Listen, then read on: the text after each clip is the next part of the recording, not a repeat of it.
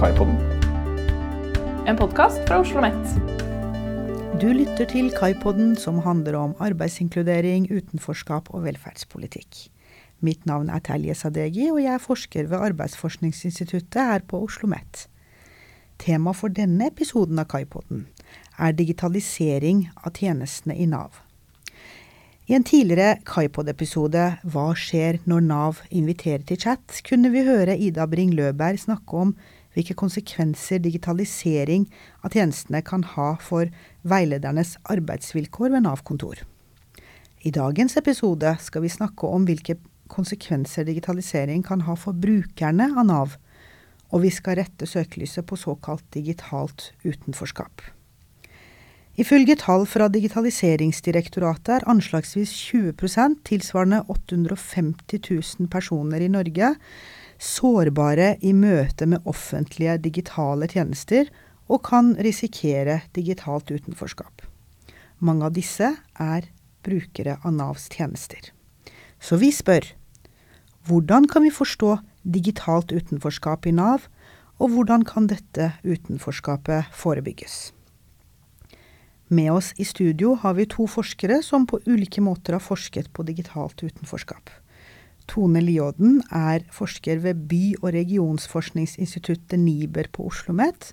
Og Kari Sand, seniorforsker ved Sintef. Velkommen til studio. Takk. Takk. Ja, aller først, la oss snakke om eh, hva digitalisering i Nav egentlig kan bety. Altså hva er typiske digitale tjenester? Hva er det som digitaliseres? Eh, ja, det er jo flere ting. Eh, det ene er at eh, Nav eh, har veldig mye digital informasjon på sin nettside, som de har brukt mye tid eh, på å bygge opp. det andre er at man etter hvert kan sende inn de aller fleste søknader til Nav digitalt. Og at man kan kommunisere digitalt med Nav. Og så er det dette med det man kan kalle tjenesteyting, altså veiledning, eh, som også kan foregå digitalt. De to siste vil jeg si går ganske mye over i hverandre. Fordi det å gi god informasjon om rettigheter og plikter eh, osv., det, det handler jo veldig mye om tjenesteytingen i Nav, som er veiledning. Mm. Eh, og rent konkret så er kanskje en av de viktigste kanalene eh, inn til Nav eh, som er digital, det er at man kan logge seg inn på ditt Nav, på Navs nettside. og så kan man se hvilke penger man har motsatt, mottatt, vedtak eh, osv. Ja. og så er det sånn at mange vil da ikke klare å nyttiggjøre seg av dette. Um, så la oss gå inn på dette her med digitalt utenforskap. Hva er nå det? Hva, hva betyr det? Ja, hva betyr det? Det finnes jo en del internasjonale definisjoner som handler f.eks. om at uh, mangel på tilgang til datautstyr og mangel på digital kompetanse er det som utgjør digitalt utenforskap. Uh, eh, EU sin definisjon inneholder også en form for konsekvens. Hvis det betyr at du ikke klarer å delta på lik linje med majoriteten, f.eks. i eh, den økonomiske eller politiske eller sosiale delen av samfunnet, så har den manglende tilgangen og digitale kompetansen ført til at du er digitalt utenfor. Mm. Men det finnes også veldig mange andre begrep som er beslekta med det her. Og hvilket som er mest eh, konstruktivt å bruke som utgangspunkt for forskning og forbedring, det er jeg litt usikker på. Eh, digital sårbarhet er jo et begrep som vi har prøvd å bruke for å vise litt at man kan ha ulike nivå av utenforskap. Man trenger ikke å være helt utafor, man kan ha noe trøbbel. Eh, digital inkludering er jo et begrep som har en litt mer positiv vri. Digitalt utenforskap er det som virkelig har festa seg i Norge som det begrepet som eh, mange bruker, og som eh, mange har lyst til å bidra til å løse. Så sånn sett så kan vi kanskje fortsette å bruke digitalt utenforskap som hovedbegrepet i Norge også, selv om det ikke nødvendigvis betyr at vi bare er opptatt av folk som er helt utafor, mm. men av mange som har utfordringer med å bruke digitale tjenester. Ja, Så bruker man dette begrepet digitale skillelinjer, eller digital divide på engelsk. Hva mm. ligger i det? Det er det begrepet som eh, ble brukt mest i den tidligste forskninga på digitalt utenforskap. For da var man mest opptatt av eh, forskjeller mellom ulike demografiske grupper når det gjaldt tilgang spesielt. Hvem er det som har mulighet til å hele tatt logge seg på en digital tjeneste, og hvem er det som ikke har det. Og det kunne være ulike etniske grupper f.eks., eller eldre eller yngre. Så den typen sammenligning eh, når det gjelder tilgang, ble ofte kalt digital divide. Mm. Så det vi, snakker vi om som den første generasjons forskninga på digitale forskjeller. Ja. Mens nå er det ganske mange andre dimensjoner som skiller om folk tar i mm. bruk mm. digitale løsninger eller ikke. Ja. Men med alle disse utfordringene som kan oppstå når man digitaliserer tjenestene, hvorfor gjør man det? Hvorfor digitaliseres tjenestene? Er det, noe, noen fordeler? Um, absolutt. Uh, jeg vil si at på mange måter så er digitalisering av tjenestene nesten utelukkende positiv, i den forstand at det, det, er, det gjør tjenester på mange måter mer tilgjengelig for, for, veldig mange mennesker.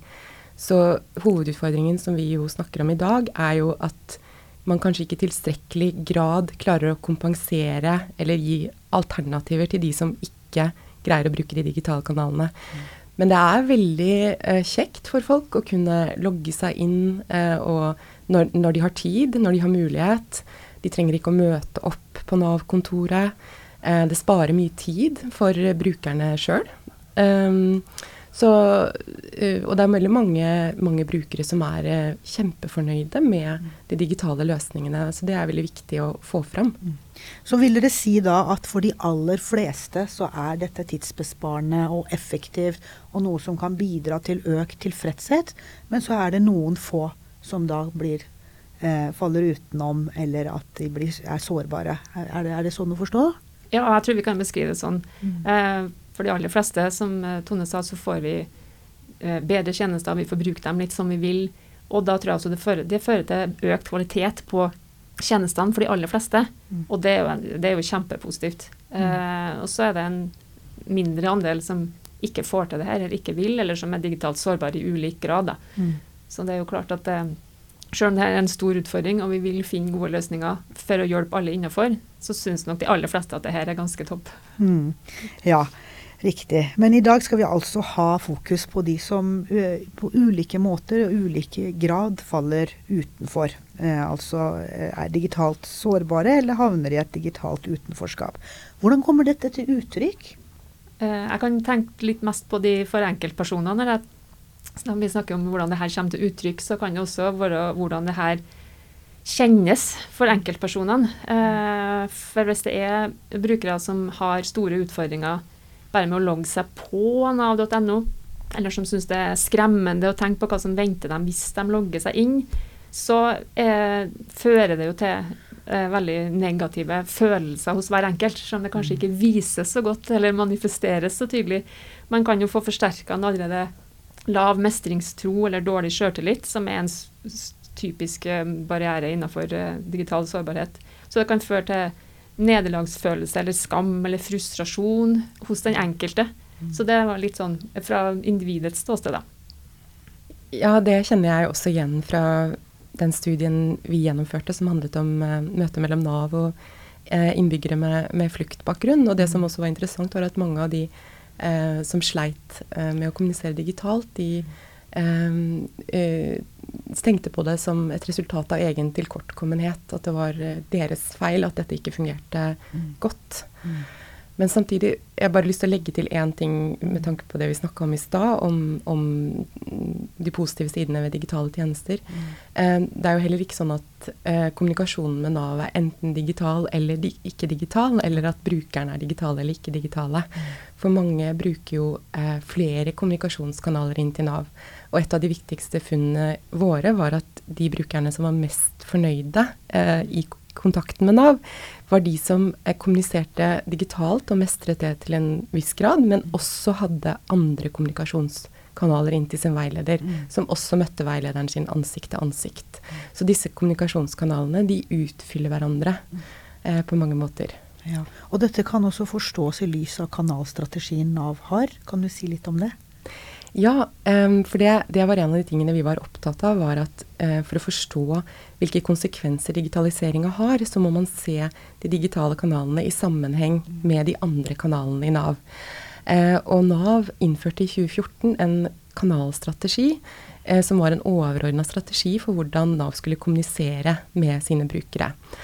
Og eh, digitaliseringa var da en veldig viktig del av denne strategien. Og tanken er da at, eh, at det skal effektivisere tjenestene. Det skal være nyttig for brukerne, men at også Nav skal spare ressurser på det. Det var det ene elementet. Et annet viktig element var at Nav ønsker at flere skal bruke kontaktsenteret i Nav, eh, som er det, det, stedet man kommer når man ringer til Navs hovedtelefonnummer. Mm. Eh, og der sitter det folk med ekspertise på de ulike delene av, av Nav som kan svare på spørsmål. Um, og det tredje var at man har endret publikumsmottaket i veldig stor grad. Sånn at mange steder har man innskrenka åpningstidene. Og Nav gir mindre substansiell veiledning i publikumsmottaket og henviser i større grad til de andre kanalene. Mm. Eh, man vil unngå egentlig at folk møter opp i så stor grad som mulig uten timeavtale på publikumsmottaket. Også til sist så var det et veldig viktig element også, um, som var en, kanskje enda tydeligere i, i, den reviderte kanalstrategien som kom i 2021, om at uh, innbyggerne skal få til, tilgang til den kanalen som de har behov for selv også, som fungerer godt for dem. Og hovedtankegangen bak kanalstrategien var at man ønsket å frigjøre ressurser, sånn at Nav-veiledere kunne få mer tid til å følge opp de brukerne som hadde aller størst mm. behov. Mm. Du sier at uh, en del av den reviderte kanalstrategien har vært at brukerne skulle få lov til å møte Nav i den kanalen de har behov for. Uh, gjøres dette? Ja, det er kanskje et av de viktigste spørsmålene som vi trenger mer forskning på. Mm. Uh, men det er en del som tyder på at det kanskje ikke skjer i så, så stor grad som Nav har ønsket og hatt ambisjoner om. Um, for det, det, dette med planlagte brukermøter, altså at du skal ha tilgang til å møte veilederen din mm. ansikt til ansikt, det er jo en kjempegod ting. Og det er bedre å snakke med en veileder som du kjenner, enn å møte opp i et publikumsmottak og møte en person som ikke kjenner deg. Mm. Men da er man avhengig av at veilederen har tid og ressurser til å, å møte eh, brukerne. Mm. Og vår studie tyder på at de har kanskje har fått en økt arbeidsbelastning etter innføringen av kanalstrategien, fordi de både har tatt over en del av oppgavene som før ble gjort i publikumsmottaket, og fordi de får flere og flere digitale henvendelser. Mm. Og når man ser på Navs e Nav har en egen undersøkelse fra 2021 hvor de stilte spørsmål om hvor ofte folk har møtt veilederen sin, og da var det 9% som hadde gjort det det siste året, mm. men hele 45% som ønsket å møte veilederen sin. Mm. Så, så, så, her ha, kan det være en utfordring. Um, og AFI har også forskning som tyder på at veiledere med store porteføljer mm. sjelden har tid til å møte sine innbyggere, eh, sine brukere. Ja. Så, så, så, det kan være noen utfordringer her. Så det kan være et gap der mellom eh, idealer og realiteter. Mm. Um, ja. Jeg kan legge til en ting om hvordan uh, digitalt utenforskap manifesterer seg i, i, hverdagen. og Det er jo at mm. det er nye eh, aktører som bidrar hvis en person skal ha kontakt med nav.no og ikke får det til. Så kan en f.eks. be om hjelp, og da er det jo uh, tilgang på ulike kurs og veiledninger som ikke fantes før. Så det er jo en slags konsekvens av digitalisering av offentlig sektor, at f.eks. bibliotek og kommunale servicetorg arrangerer kurs og veiledninger i hvordan folk skal klare å håndtere mm. eh, den nye digitale verden. Og det er jo et, enda et nytt element inni tjenesterekka, på en måte, av å ja. få tilgang eh, på tjenester fra Nav. Absolutt, og det kommer vi også nærmere tilbake til. Eh, bibliotekenes rolle, bl.a.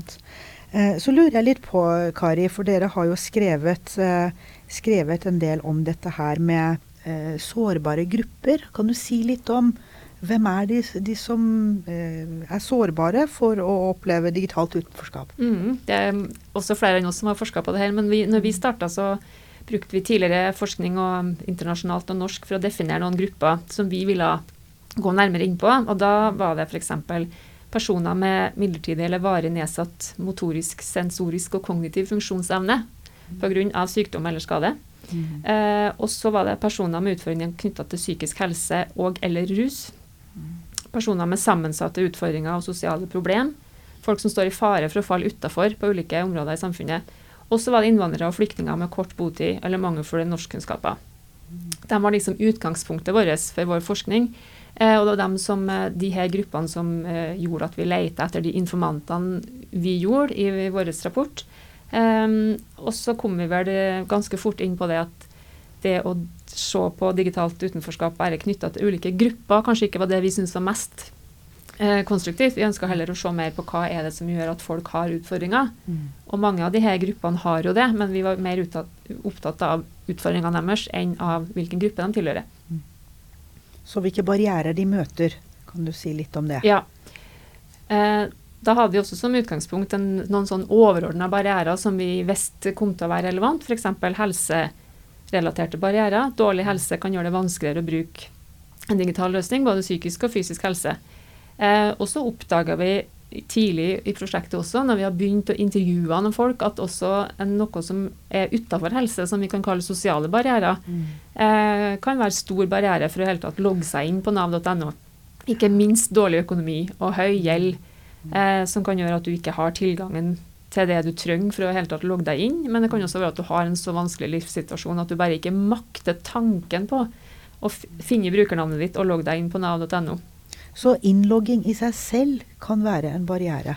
Innlogging er en barriere med mange dimensjoner. Det kan være praktisk vanskelig hvis du har rota bort kodebrikken, og det kan være mentalt veldig utfordrende fordi du er så redd for hva som er på innsida.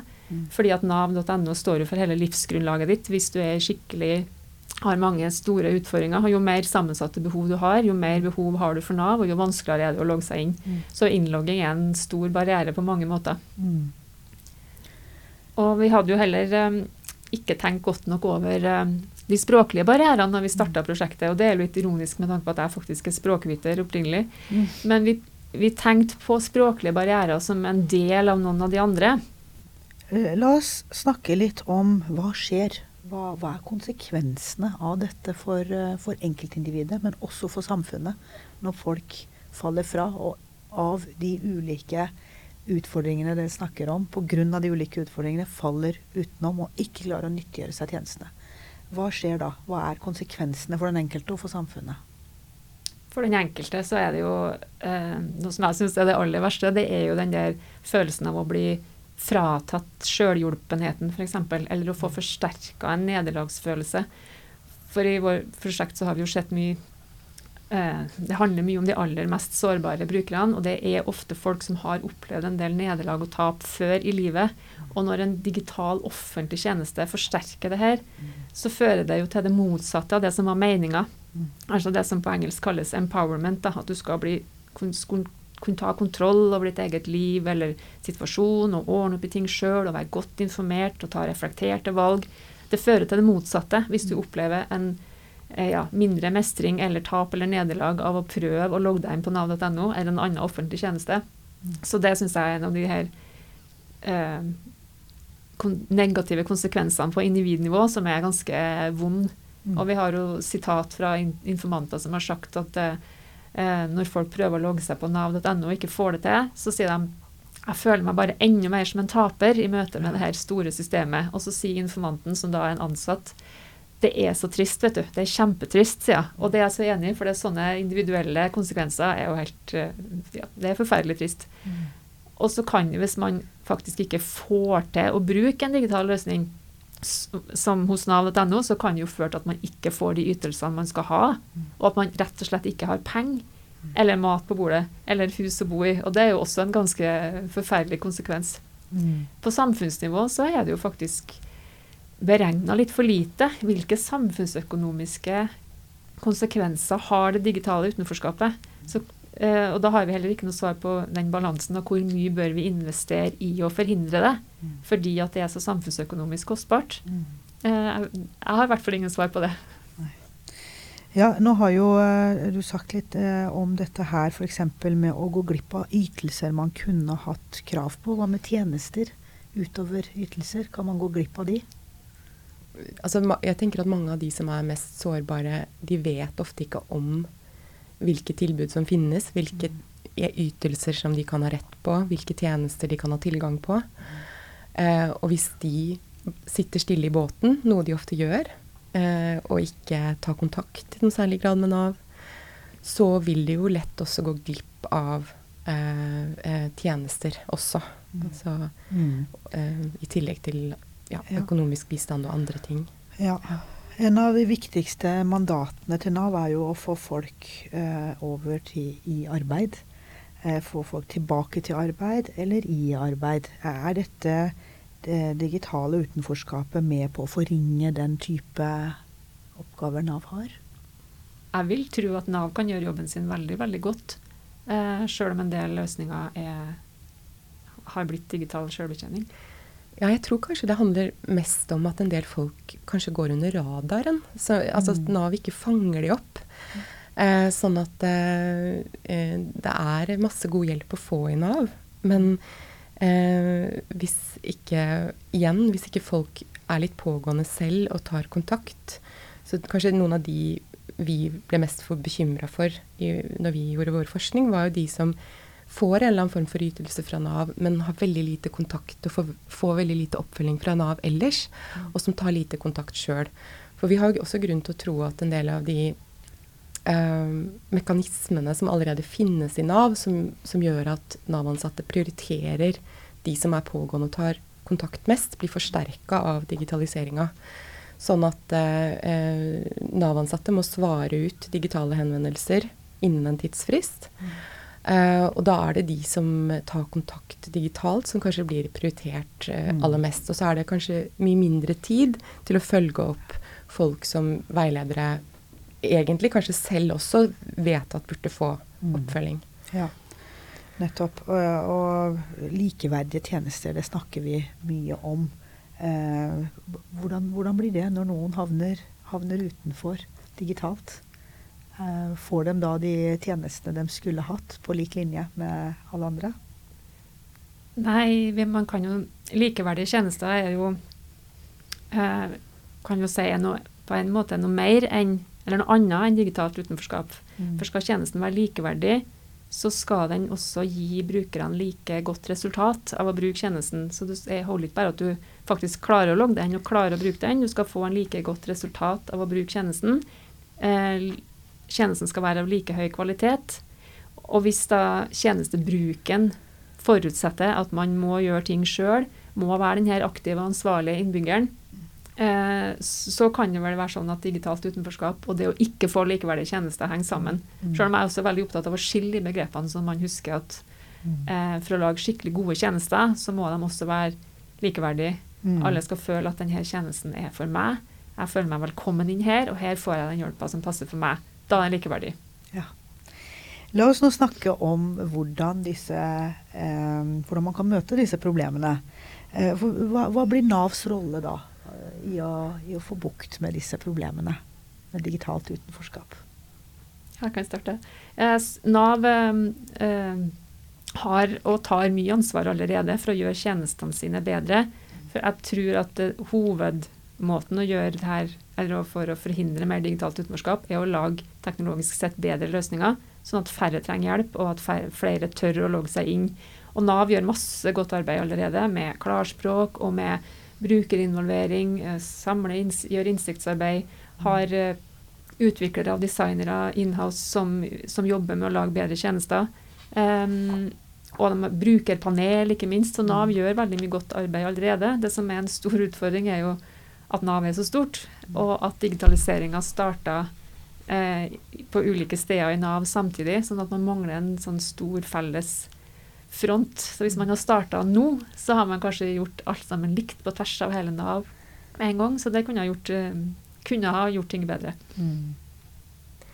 Ja, altså Nav eh, bruker jo veldig mye ressurser på å veilede digitalt og få folk til å forstå og lære å bruke de digitale løsningene. Og en del av veilederne sier at de tenker at dette er veldig viktig også for at de skal klare seg på andre arenaer i samfunnet på en god måte. Så det er jo en eh, viktig del av det. Um, men i tillegg så tenk, tenkte vi da vi holdt på med vårt prosjekt, at det, det vil være veldig viktig at Nav tidlig kartlegger de digitale ferdighetene til eh, brukere. Eh, og eh, kanskje lager en strategi for hvilke kommunikasjonskanaler de skal bruke med den konkrete brukeren. For nå, sånn som det er nå, så, som en av veilederne sa, så er man digital eh, til det motsatte er bevist, på en måte. Og det er litt sånn at det er brukeren som får eh, bevisbyrden her. Altså det er brukeren som må overbevise om at jeg klarer ikke dette.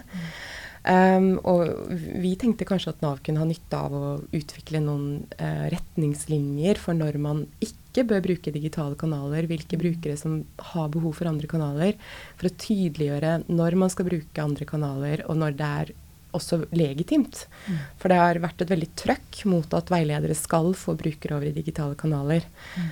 Og vi så også at direktenummer var en utrolig viktig kanal for uh, disse brukerne med fluktbakgrunn mm. i vår studie. Og det var det flere veiledere som sa, at de opplevde at det skulle de bruke mindre og mindre, og at det var en mindre legitim kanal. Mm. Og det var ingen tydelige kriterier for når man skulle bruke direktenummer. Det var jo flest veiledere som jobba kanskje med sosiale tjenester, eller som drev med tett oppfølging, som ga ut direktenummeret sitt. Men det var veldig ulik praksis, og det har Helsetilsynet også dokumentert at dette med direktenummer kan være en veldig viktig kanal. Eh, gammeldags, god gammeldags kanal.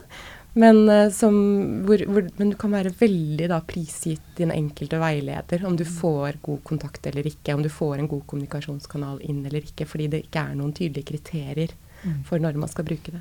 Ja, fordi Nav blir jo da avhengig av å kunne identifisere hvem som har behov for andre kanaler. Hvordan, hvordan, gjøres det eh, den dag i dag? Er det, er det litt liksom basert på tilfeldigheter og opp til den enkelte veileder, eller hvordan er det? Ja, altså så vidt vi hvert fall, nå, nå, holder Nav på med noe veldig godt arbeid som uh, gjelder å utvikle kartlegging av digitale ferdigheter nettopp for den målgruppa vi jobber med, folk som har eh, lave norskferdigheter og lite digital kompetanse. Så det foregår heldigvis noe godt arbeid på det feltet. Eh, men, men det, det, virker ikke som det blir gjort så systematisk eh, ennå. Og en av utfordringene er jo også at veiledere oppgir at de en del ganger eh, vurderer digitale ferdigheter ut ifra hva brukere gjør i de digitale kanalene i kommunikasjon med Nav. Og vi vet at brukere får veldig mye hjelp fra andre til å kommunisere digitalt med Nav. Og da kan Nav få et veldig feilaktig inntrykk av både digitale ferdigheter og norskkunnskaper. Um, og da kan også kanskje noen av utfordringene som folk har da, med å uh, kommunisere digitalt, gå litt under radaren igjen uh, for Nav. Så det er en uh, viktig ting, tror jeg, å kommunisere til veiledere. At, at de må ikke basere en vurdering av eh, brukernes digitale kompetanse på om de legger inn en CV digitalt eller sender en melding digitalt til Nav. Mm, nettopp. Eh, og så snakkes det om, eh, om såkalte tredjeparter. Eh, som, som, kan eh, bidra til å forebygge disse problemene. Hvem er det? Eh, altså, hva mener man når man sier tredjeparter? Det må vel først og fremst være bibliotek og kommunale servicetorg, for de har jo fått en egen definert rolle ja. fra regjeringa om å bidra med å øke den digitale kompetansen hos forskjellige innbyggere. Og det er jo helt fantastisk. De gjør en kjempejobb mm. og arrangerer kurs og er dyktig pedagogisk akkurat på det området her. Og i Trondheim f.eks. så er jo halvparten av um, forespørslene som ansatte på biblioteket får, er jo om digital kompetanse og hjelp med digitale tjenester, f.eks. Nav. Eh, så vet vi kanskje ikke så mye om de ansatte på biblioteket har lyst til å holde på med det her, men de har nå uansett fått jobben. Um, men Du sier at de har fått uh, dette mandatet. Men hvor godt informert er egentlig folk i Norge om denne typen tjenester hos bibliotekene? Det kan vel variere litt, men det er nå i hvert fall en del av dem som trenger hjelp med akkurat det her, som også er gode på å bruke biblioteket. Fordi at biblioteket er en åpen plass det er lavterskel for å komme inn, alle har plass på biblioteket. Så det er en plass mange bruker. Mm. Men det er selvfølgelig også veldig mange som ikke gjør det. Mm. Og det er jo samme som med andre typer tjenester, altså de her som går litt under radaren, noen som vi ikke får tak i, eller som syns det er vanskelig å være ute i det offentlige rom, de bruker jo ikke biblioteket på den måten. Men jeg skulle jo egentlig ønske at det her var helt overflødig, at vi hadde så gode tjenester. Eh, at ingen trengte å få et ekstra kurs på biblioteket for så å få den tjenesten de trenger fra Nav. Mm. Er det noen utfordringer da ved å bruke bibliotektjenestene? Ja, det er store utfordringer når de får spørsmål om veldig sånn personlige, private ting i nav.no. For de skal jo egentlig bare hjelpe til med den digitale kompetansen. Så der var det ingen som tenkte på at den byråkratiske kompetansen kanskje var en større utfordring. Så man, biblioteksansatte har jo ikke lov til å se de private nettsidene til den de skal hjelpe, verken i banken eller på Nav eller andre plasser. Men likevel så skjer jo det stadig vekk at folk logger seg inn Og de viser fram både bank-ID og passord og alt mulig, fordi at det er så viktig for dem å få hjelp til å løse den oppgaven at de bryr seg veldig lite om personvern. Og noen av dem vet ikke at de skal bry seg om det heller. De vet ikke at de må ta vare på sine private opplysninger. Og viser det da fram, og det setter jo biblioteksansatte i en veldig vanskelig etisk rolle. Ja. Er det andre tredjeparter som, eh, som er sentrale i eh, å bistå personer som havner i ulike grader av digitalt utenforskap? Ja, vi, eh, vi, vi snakka også en del med biblioteksansatte, men også med frivillige organisasjoner som ofte har som mandat å også gi bistand i Nav-spørsmål og andre spørsmål om andre offentlige etater. Men også eh, så vi at eh, den aller viktigste tredjeparten for mange er jo venner og barn. Mm. Sosialt eh, nettverk. Så det, de er også For de er jo kanskje det aller viktigste lavterskeltilbudet. Folk har tillit til sine næreste, og de er lette å be. Um, og en utfordring med det er jo, som mange Nav-ansatte særlig var, var veldig bekymra for, var jo at en del barn får mye innblikk i foreldrenes økonomiske utfordringer, f.eks. når de gir dem hjelp til å kommunisere digitalt med Nav. Um, en annen veldig viktig utfordring er jo at det er jo folk som ikke har den typen hjelpere rundt seg. Mm. Så hvis folk blir avhengig av en tredjepart for å kunne føre dialog med Nav, så er jo det et problem. Og, og både eh, Kari og hennes kollegaer og, og vi snakka med tredjeparter som sa at de opplevde en veldig økning i henvendelser de siste årene i takt med digitaliseringen i, i Nav. Sånn at tredjeparter kanskje får en viktigere og viktigere rolle. Og, og, og det, litt avhengig av hvem tredjeparten er, så kan det også bli mer og mer problematisk. For det er jo mange av disse tredjepartene som ikke nødvendigvis har så mye kunnskap og kompetanse om Nav. Mm. Som du også var inne på i stad. Eh, og da kan det jo være fare for også feilinformasjon mm. eh, om viktige ting som kan ha stor betydning. Mm. Ja, og så hvis vi tenker oss litt eh, fram i tid eh, altså Vi befinner oss jo her og nå kanskje i eh, en brytningstid som, som, mange vil kalle det digitale skiftet. Det er stadig flere tjenester som digitaliseres. Eh, kan man se på det slik at hadde vi sittet her om 10-20 år, så, ha, så hadde ikke de problemene vi snakker om nå, vært like mye til stede? Er dette noe som eh, kanskje eh, altså tiden leger disse sårene, eller, eller, hva tenker dere om det? Jeg tror det med tida er avhengig av at vi bruker tida godt. Vi kan mm. ikke bare tenke at det går over av seg sjøl. Mm. Eh, det er jo en felle man kan gå i hvis man tenker på denne gruppetankegangen som jeg ville litt bort fra. da. Så man tenker at det er de eldre som er digitalt utenfor. Mange av dem er veldig digitalt sårbare. Men det er ikke sånn at når, den, når det er en naturlig avgang i den eldre generasjonen, så vil det her forsvinne. For nå har jo vi snakka om veldig mange andre barrierer som gjør det vanskelig å bruke digitale løsninger. Så hvis at det her skal gå over om 10 eller 20 år, så må vi bruke tida veldig godt på å først og fremst lage bedre tjenester som er enklere for folk å bruke. Og også tilby eh, likeverdige tjenester hvis du ikke er digital. Da skal du ikke være noen annenrangs person om du må bruke et søknadsskjema på papir. Ja, altså jeg er helt enig i det du sier der. Og i og med at f.eks. systemforståelse er en av de største utfordringene for å bruke digitale kanaler, så, så, vil ikke det bare løse seg med at det er en ung eller en ny generasjon som har mye digitale ferdigheter. Um, men jeg er litt optimistisk i den forstand at uh, jeg tenker at kanskje pendelen svinger litt tilbake. At uh, det har vært et sånt veldig fokus på digitalisering av tjenestene, og man har kanskje hatt kanskje litt vel høye forventninger også til hvor mye man skal tjene på det, sånn ressursmessig. Eh, og eh, at man nå kanskje begynner å eh, sette mer fokus på hvordan man skal fange opp de som ikke får det til. Og det tror jeg Nav eh, også er, er, mer og mer oppmerksom på. I den nye virksomhetsstrategien til Nav f.eks. Så, så legger de vekt på at folk skal få kommunisere med Nav i en kanal som fungerer godt for dem. Eh, og Nav har jo f.eks. finansiert det prosjektet vi gjorde, og andre forskningsprosjekter som er opptatt av dette med digitalt utenforskap. Så jeg tror det gjøres mye arbeid i Nav nå på å fange opp de som ikke klarer å bruke de digitale tjenestene. Og det gir jo håp for mm. framtida. Mm, absolutt. Så tida må brukes godt framover. Tusen takk for at dere deltok i denne episoden av Kaipoden. Takk for at Tusen du Du har lyttet til Kaipodden, som er en podkastserie fra Kompetansesenter for arbeidsinkludering.